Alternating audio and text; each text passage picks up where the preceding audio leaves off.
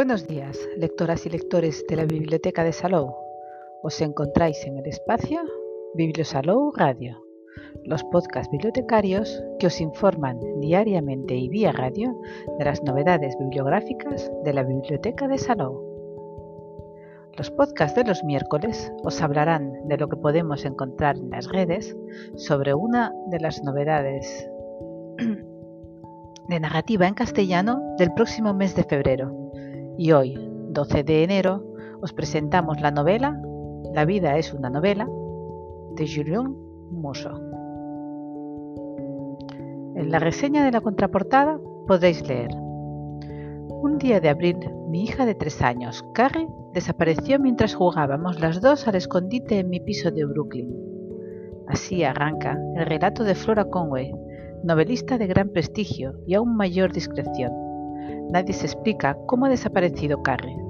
La puerta y las ventanas del piso estaban cerradas. Las cámaras del vetusto edificio neoyorquino no han captado a ningún intruso. La investigación policial resulta infructuosa. Mientras tanto, al otro lado del Atlántico, un escritor con el corazón hecho trizas se trinchera en una casa destartalada. Es el único que sabe la clave del misterio, pero Flora va a desentrañarlo. Una lectura sin parangón, en tres actos y dos golpes de efecto. Mosso nos sumerge en una historia pasmosa, cuya fuerza reside en el poder de los libros y en las ansias de vivir de sus personajes. En el blog Los libros que hay que leer reseñan la novela. La escritora Flora Conway y su hija de tres años, Carrie, están jugando al escondite en su piso de lujo de Nueva York, Flora cuenta hasta 20 mientras la niña se esconde. Luego comienza a buscarla. Pero, por más que busca, no la encuentra. La niña ha desaparecido. Se ha esfumado. Todo está cerrado. Es absolutamente imposible que la niña haya salido de casa o que cualquier persona haya entrado para secuestrarla. Y sin embargo, la niña no está. Y pasados seis meses, se sigue sin saber qué ha sido de ella. Por otro lado, en París tenemos a otro escritor llamado Romain Orzowski. Como Flora Conway, un escritor de mucho éxito. Como a ella, la musa le ha abandonado. En este caso, la culpa es de la situación personal por la que está pasando. Su mujer le ha abandonado, llevándose a su hijo pequeño, Theo. Él adora al niño y no puede vivir sin él. La vida es una novela, es una novela claramente metaliteraria. Ya en su novela anterior, La vida secreta de los escritores, Musso se adentró en el mundo de los escritores y de la creación literaria. En esta lo hace mucho más, invitando al lector a jugar con él. Y es que, sí, esta novela es un juego continuo. El autor juega con Flora y con Romain, pero también con nosotros, los incautos lectores que andaremos más perdidos que un pollo sin cabeza. ¿A que no le parece leyendo la sinopsis solo poco que os acabo de contar yo? Parece una novela tan normalita, tan convencional, pero no os fiéis porque no hay nada de eso. La novela arranca fuerte. La escena en la que Flora y su hija juegan al escondite y la niña desaparece te pone los pelos de punta y te enganchas en remedio. Estás perdido. Vas a tener que seguir leyendo tengas o no tiempo, cosa que no será nada difícil, porque tiene poco más de 200 páginas.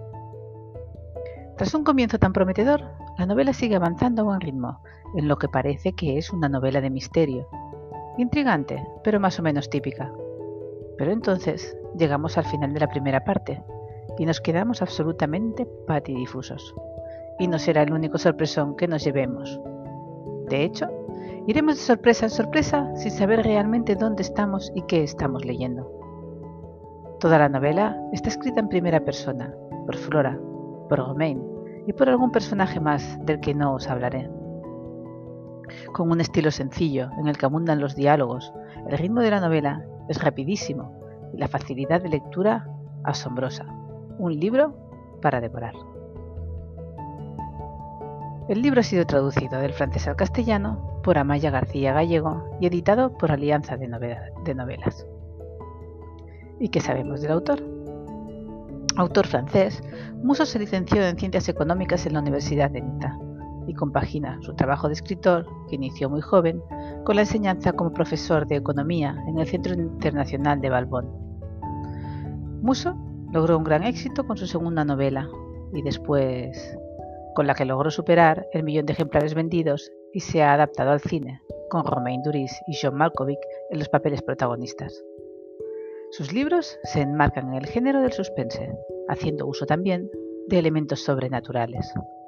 Desde hace varios años se ha consolidado como uno de los escritores imprescindibles de la literatura de suspense francesa, con títulos como La llamada del ángel o Central Park. Musso es uno de los autores más exitosos de Francia, con más de 11 millones de ejemplares vendidos. Ha sido traducido a 42 idiomas, consiguiendo ser aclamado también en esos países. Si se os hace larga la espera, podéis ir leyendo los anteriores libros del autor. En la biblioteca os los conseguiremos, tanto en castellano como los originales en francés. Y hasta aquí el podcast de hoy, pero tenemos más novedades de narrativa en castellano que iremos descubriendo cada miércoles a las 11. Que tengáis muy buen día y muy buenas lecturas que os acompañen en el día a día.